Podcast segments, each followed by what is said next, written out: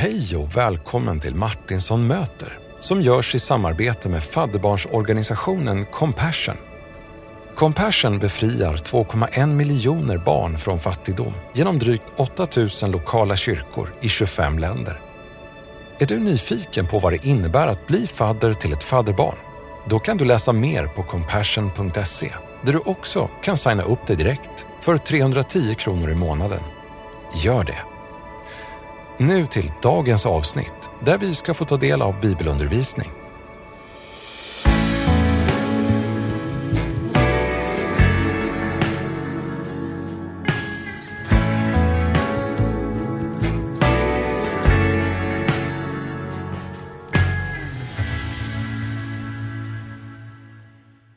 Välkomna tillbaka vänner.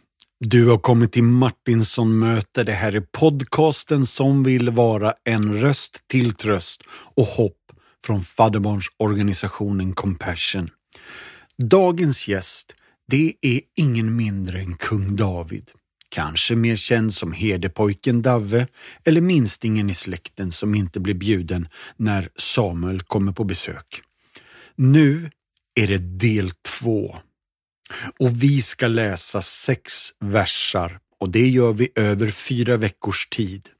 Det är korta, kärnfulla, kraftfulla ord som gett tvivlare tröst och som fött tillbedjan och tacksamhet hos miljoner människor. Det är bara sex versar som sin korthet till trots gett hopp, hjälp och helande till människor i många olika tider och kulturer i hela världen och i över 3000 år. Alldeles för ofta läser en pastor den här texten och så handlar den inte om herden utan om hur dumma får är. Det finns någon som har gjort en djupstudie i hur blåsta, tröga, envetna, bångstyriga får är och de finns aldrig på cirkus. Där ser du istället tränade elefanter, hundar, hästar, men du ser aldrig får. Är det vad texten handlar om? Jag tror inte det. Istället skulle jag vilja fråga, vad tyckte folk om herdar på den här tiden? Vi har dokument från den romerska perioden då en landshövding faktiskt sa följande ord.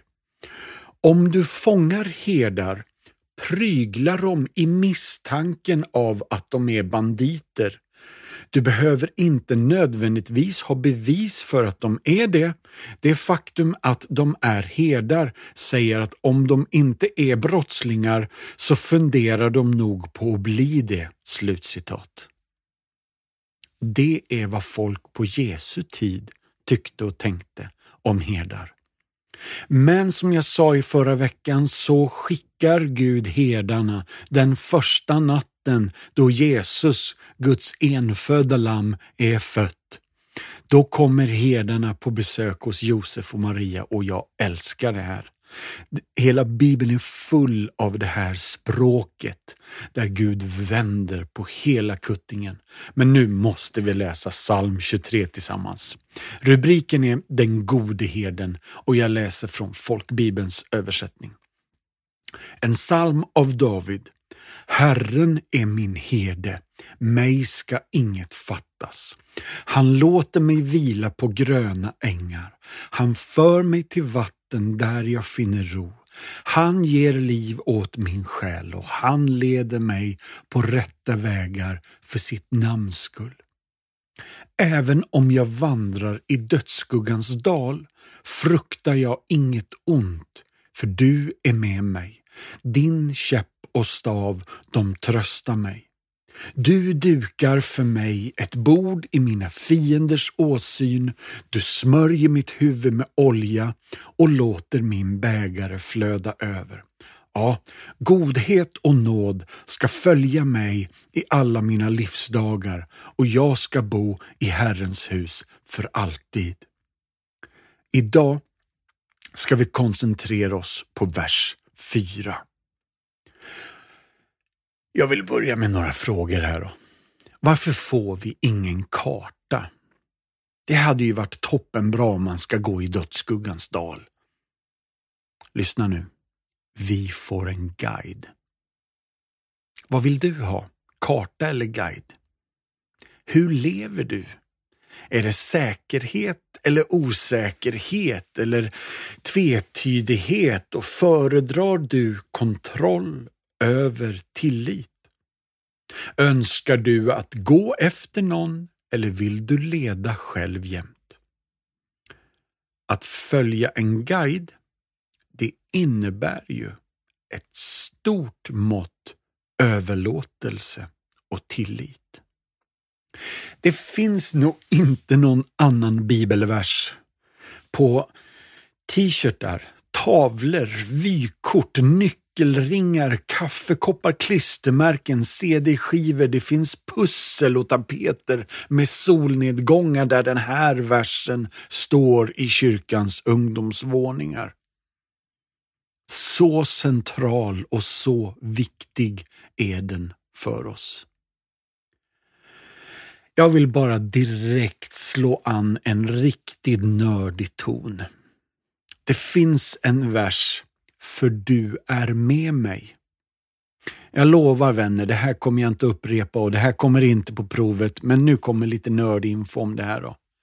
I originalhebreiskan så består tydligen psalm 23 av 55 versar, 26 ord där David talar om Gud i tredje person han låter, han för, han ger. Men när David har sagt för du är med mig, då har vi kommit fram till centrum av hela texten. Efter det går han över till du-språk. Du dukar, du smörjer. Det här är viktigt. För det här ger oss en hebreisk hamburgare där de första orden om han, han, han är liksom locket på burgaren. Och du är botten på burgaren. Men själva köttet eh, i mitten är för du är med mig. Och jag skulle önska att vi kunde måla bilderna av de hebreiska herdarna lite tydligare. En gång, eller jag har varit i Israel flera gånger och vid några tillfällen har jag besökt eh, Nasaret Village. Där de liksom har gjort en avdelning med får och där det står några hebreiska herdar och på något sätt tar sin uppgift på allra största allvar och det gör att texten blir lite tydligare. Om David hade stannat vid de gröna ängarna och vid de klara vattnen, då hade vi inte riktigt orkat med hans, hans happy-clappy teologi. Är ni med? Alla gangsterfilmer citerar ju psalm 23. När hjältens bästis har dött, när alla är svartklädda, när tanterna gråter och de har en liten broderad näsduk till hand då högläser prästen pliktskyldigt psalm 23. Jag tror inte att det är bara då den här salmen ska läsas. Men också då. Jag tror att i de här få verserna så ryms hela livet och det finns någon teolog som har sagt här ryms hela Bibeln.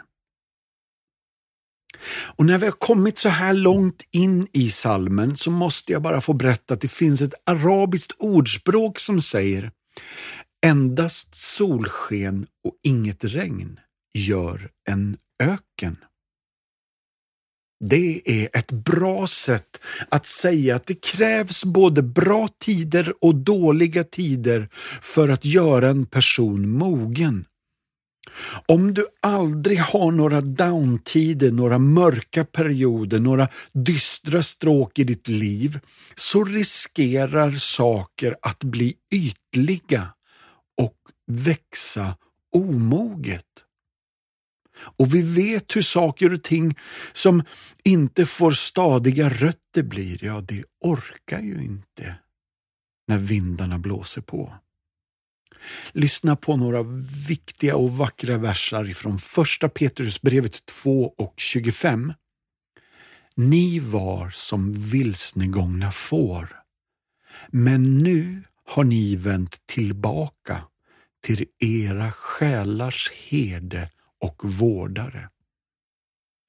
Nu har ni vänt tillbaka till era själars herde och vårdare.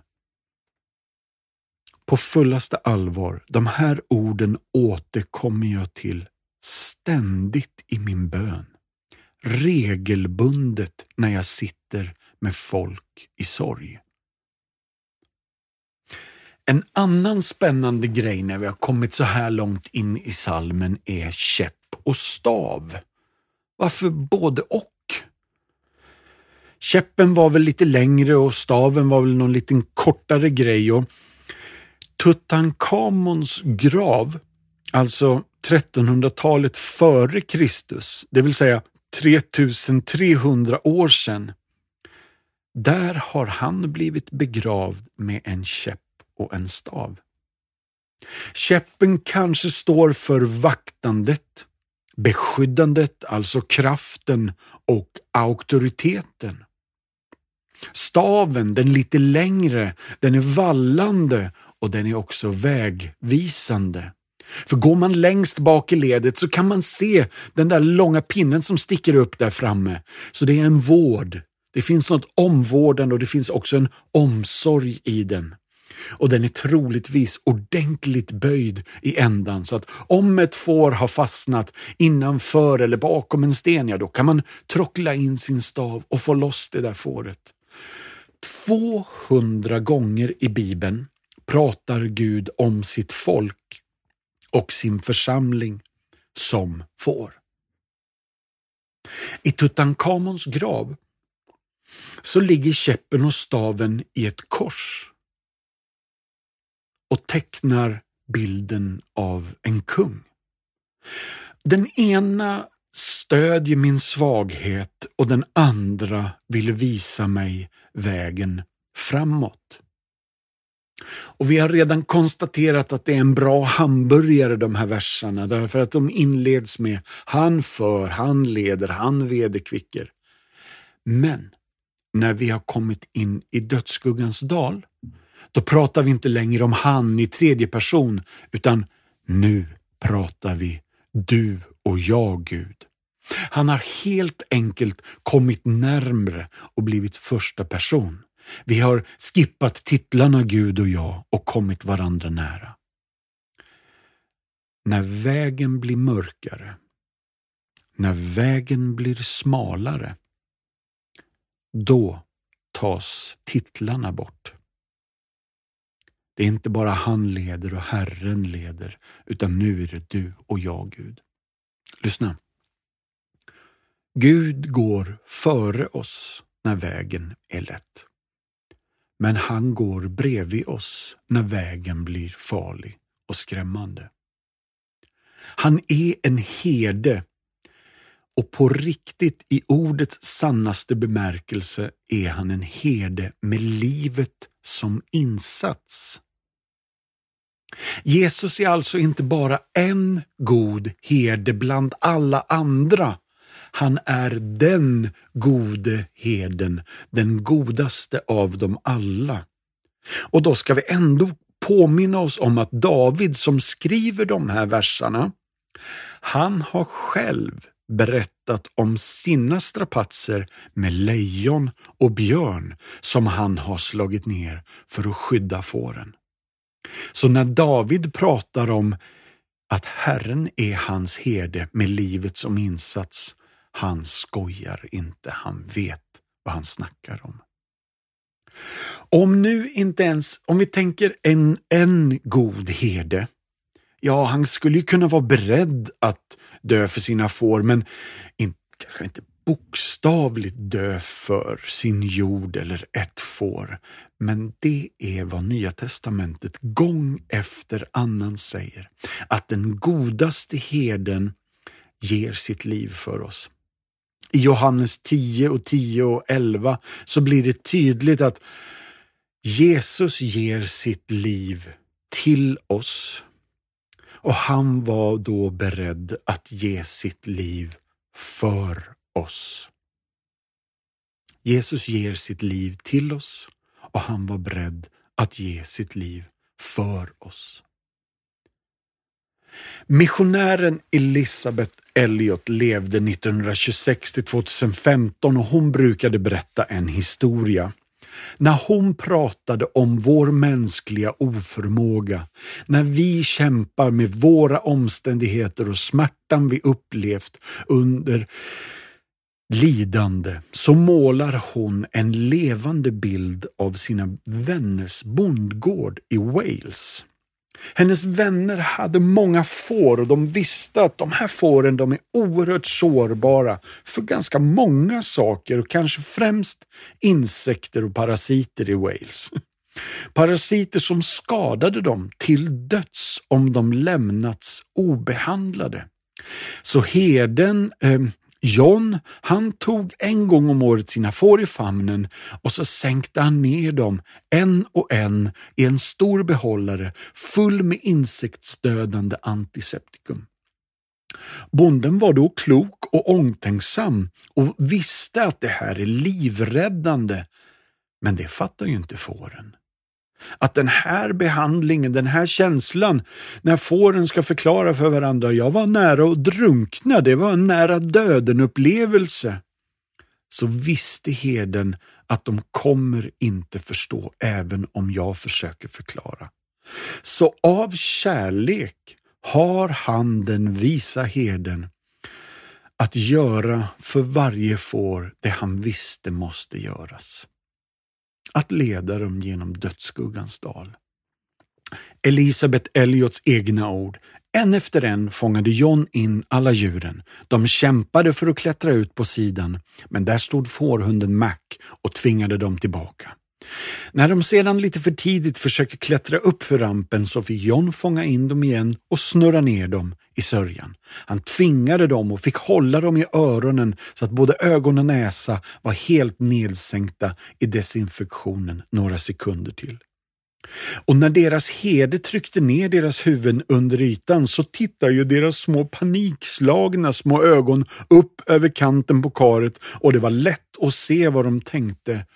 Vad gör Gud med oss? Är all den här smärtan vi bär på meningslös? Är lidande och paniken vi känner när vi drunknar i sorger eller förvirring eller corona? Är det meningslöst och kan man lita på Gud igenom allt det här? Som missionär i djungeln så dödades Elisabets förste man med spjut av de människor som han försökte nå med Jesu kärlek. Elisabet valde då att fortsätta vara missionär för det folk som mördat hennes man och hon betjänade dem i över två år. Och när de kom tillbaka till USA och hittade en ny man, då dör han i cancer. Ändå säger Elisabet så här. Jag har haft många upplevelser i mitt liv som har gjort att jag känner stark sympati med de stackars fåren. Det finns tillfällen då jag inte kunnat räkna ut en enda anledning till den behandling jag har fått från den store herden som jag så litade på. Och likt fåren har jag ingen aning eller förklaring. Det kommer inte att finnas någon intellektuell tillfredsställelse på den här sidan himlen på den gamla frågan varför. Men även om jag inte har funnit någon intellektuell tillfredsställelse så har jag hittat frid. Och svaret jag nu ger er är inte en förklaring utan en person. Jesus Kristus är min Herre och min Gud. Det var han som var ordet innan världens grund blev lagd. Det var han som led som ett lamm som dödats. Och han har ett kort upp i skjortärmen som du och jag inte har någon aning om. Han har sagt oss tillräckligt så att vi i alla fall vet att lidandet är inte meningslöst. Gud tillåter alltså tid i dalen. För dalen drar oss närmre Gud. I dalen så finns risken för prärievargar, översvämningar, laviner, raviner, snö och hagelstormar, lejon och björn och andra rovdjur, ormar och till och med bara farliga växter. Jag blev så tydligt påmind om det här när vi bodde på sluttningen av berget ovanför Los Angeles, nästan lite grann ute i öknen. Och regelbundet fick vi ta hand om våra djur som behövde bli skydd ifrån rovdjuren och framförallt när vi skulle gå och hälsa på våran tjur på ranchen. Jag tror han hette Bert. Nu då, nu byter vi lite spår. Det är bra att inte prata för länge om Gud utan att prata med Gud. Vi är mer benägna att tala om Gud när vi är på de gröna betesmarkerna och det finns mycket vatten tillhanda. Och vi är mer benägna att ropa till Gud när vi går in i den farliga ravinen. Så, min vän, ibland bör vi nog avbryta babblandet om Gud och byta ut det till bedjandet till Gud. Det här leder oss till en fråga när vi nämner ordet ravin. Varför måste du alltid ta den svåraste vägen? Och svaret på den frågan är ju lite skönt. Den frågan förutsätter ju att det finns två vägar. Det verkar inte göra det i den här texten. Det är antingen framåt eller bakåt. Och bakåt är ju inget option, för där finns inget grönt gräs eller vatten nu. Så antingen tänker jag när jag går igenom dödsskuggens dal, då ska jag påminna mig själv om att aldrig mer lita på Google Maps. För här ska man inte vara.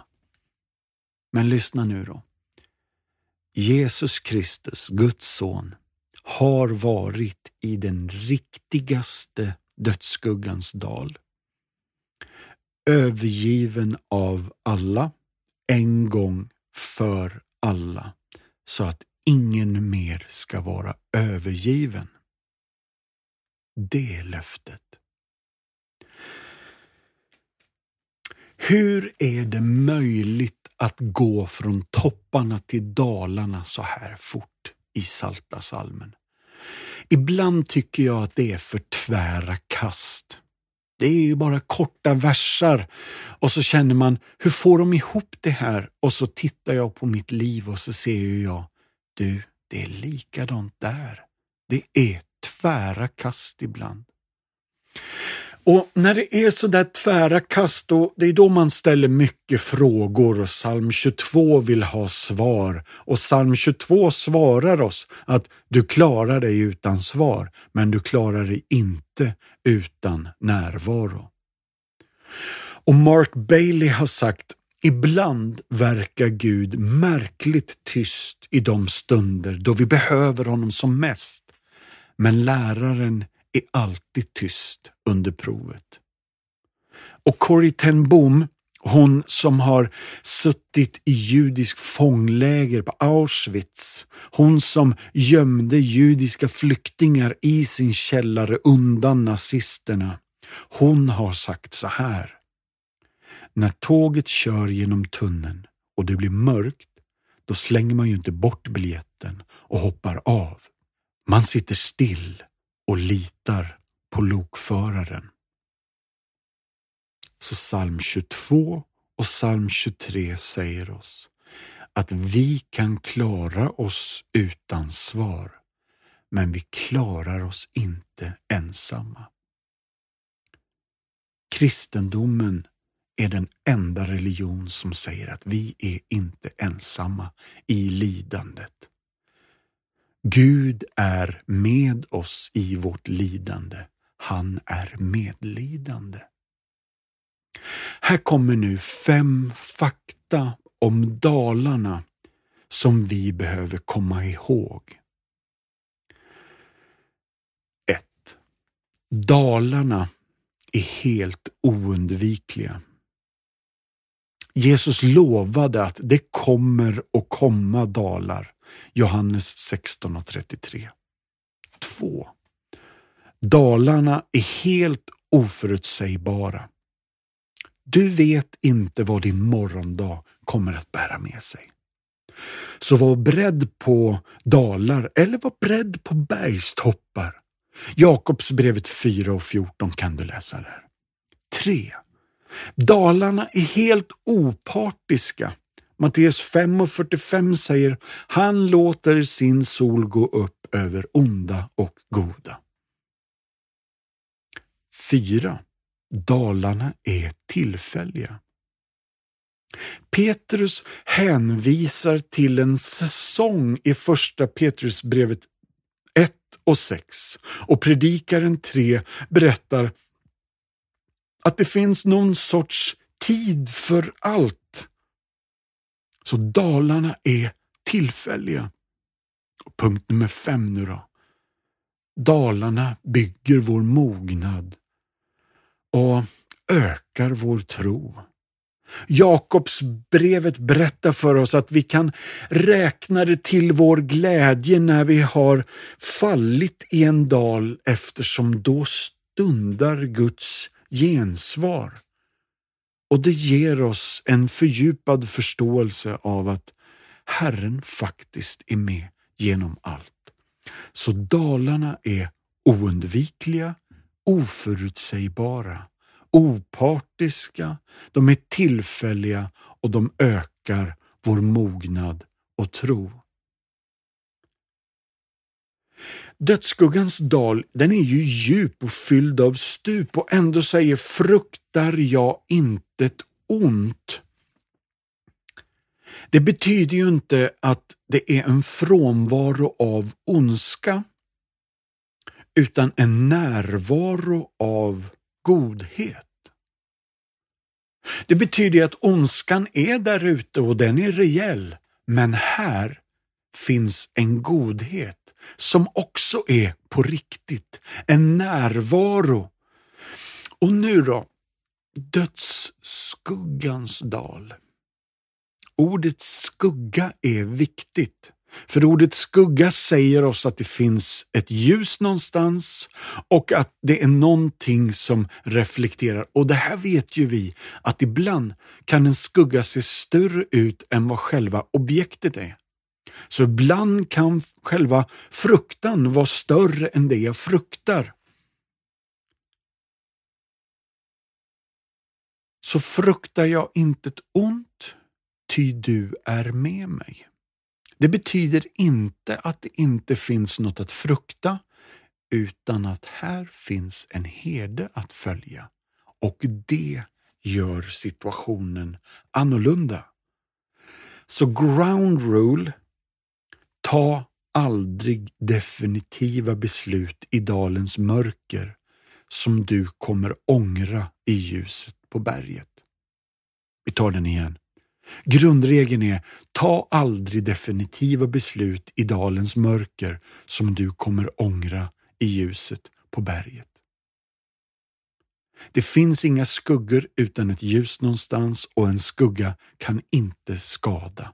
Och det är alltid mörkare i dalen än på toppen. Striderna som vi utkämpar i livet sker ju alltid i dalen. Men vattenkällorna finns nästan alltid och oftast bara i dalen. Den är lite oundviklig, oförutsägbar och ofullständig. Det finns många dalar. Att förlora sin bror i en branddalen, skilsmässodalen. Att förlora sin pappa när man bara är ett barndalen eller vänskapsrelationer som går sönderdalen. Eller när man bråkar med sin tonåringsdal. När vi går igenom mörkret ska vi se till att hålla lite hårdare i hedens byxben bara. Alltså, vi har ju uttalat många gånger ordet mig skall inget fattas. Men vi behöver ju inte lämna Saltasarmen ens för att upptäcka att det här stämmer ju inte alltid. Vi behöver inte lämna de här orden för att upptäcka att här finns ett stort hårklyveri. För i den mörkaste dal så saknar jag ju ljus. Jag saknar gissningsvis också de gröna, sköna, lulliga ängarna och det lugna, stilla, klara, pålande vattnet. David menar troligtvis, och det här är tungt, att jag kommer inte sakna något av allt det som heden finner nödvändigt och behövligt för min resa framåt. Så i mörkret, håll hårdare i herdens byxben. Och herden har heller inte lätt fåren fel när de går genom dödsskuggans dal. För dalen är oftast en transition från ett grönområde till ett annat. Så jag måste byta grönområdet av den enkla anledningen att gräset är slut och jag dör om jag inte går. Så jag behöver nytt gräs och då går snabbaste vägen genom dalen, säger herden. Och vi har redan sagt att psalm 23 föregås av psalm 22. Om jag läser den, då kommer jag upptäcka att det inte går att komma till de gröna gräsen förutsatt lidandet i dalen, psalm 22. Jag vill bara att du noterar att psalm 24 handlar om hur heden kliver in genom portarna i Jerusalem med alla fåren i följe.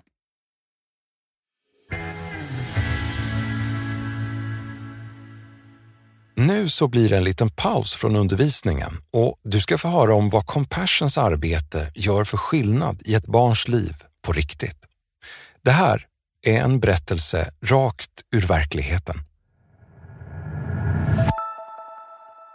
Då skulle jag vilja ta några minuter och berätta om Compassions arbete i fält. Varje morgon vaknade Aida upp tidigt för att söka bland soporna på en av Kampalas största soptippar, Kitesi, för att hitta överbliven mat som hon kunde sälja som grisföda. Jag hade inga handskar så det var lätt att skära sig på trasiga flaskor, rakblad och andra vassa föremål som fanns på soptippen. Aida är en ensamstående mamma till tre barn och när grisfödan inte genererade tillräckligt med pengar för att köpa mat till sina barn, då kände hon sig tvungen att ge dem av den överblivna mat som hon har samlat ihop till grisarna. Jag hade inga pengar, men barnen behövde äta. Jag brukade ta med mat från soptippen, tvätta och koka den för att sedan ge dem till barnen. Ofta samlade jag ihop rå mat sedan den kokta tyvärr blev skämd. Aidas barn insjuknade ofta och speciellt med diarré och magsmärtor. Med tiden blev barnen kraftigt undernärda och när Grace, en medarbetare på Compassion, fick reda på Aidas tillstånd, då bestämde hon sig för att besöka familjen. Deras situation var fruktansvärd, berättar Grace. Man kunde se att barnen var undernärda och Shania hon grät oavbrutet. Aidas situation den var så pass speciell så att alla tre barnen fick faddrar direkt och för att kunna erbjuda Aida mer stöd så hjälpte de henne att flytta närmre centret. Genom fonden för svårt drabbade barn fick Aida pengar till hyra, mat och samt tillgång till sjukvård. Personalen fortsatte att förse familjen med mat varje månad och så småningom lyckades Aida med hjälp från centret börja arbeta och sälja träkol och tvätta kläder åt andra människor. Så när corona började påverka samhället hade Aida redan hunnit bosätta sig i sitt nya hem med stöd från kyrkan och Compassion. Utan den här maten hade barnen inte varit friska. Jag är så lättad över att Shania inte längre blir sjuk. Det som gör mig mest glad det är att våra liv fullständigt förändrats. Vill du hjälpa en mamma som Aida? Att fullständigt komma loss ifrån fattigdomen genom Compassions arbete. Just nu är behovet av nya faddrar mycket stort och för 310 kronor i månaden så understödjer du ett fadderbarn holistiskt vilket innebär att vi jobbar på fyra sätt. Ekonomisk hjälp, fysisk hjälp, social hjälp och andlig hjälp. Gå in på vår hemsida www.compassion.se. Signa upp dig direkt och bli fadder till ett barn idag. Och om du redan har ett fadderbarn hos oss eller någon annanstans, ja, vi är frimodiga här. Vi vill vädja till dig, ta gärna ett fadderbarn till. Behoven är så stora.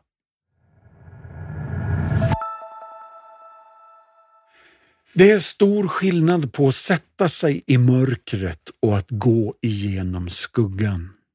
Ordet genom är viktigt.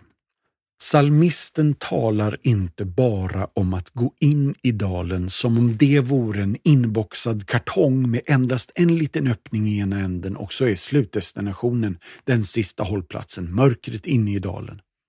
Han talar om att gå igenom dalen och säger oss att herden förväntar sig att vi kommer att komma ur skuggorna.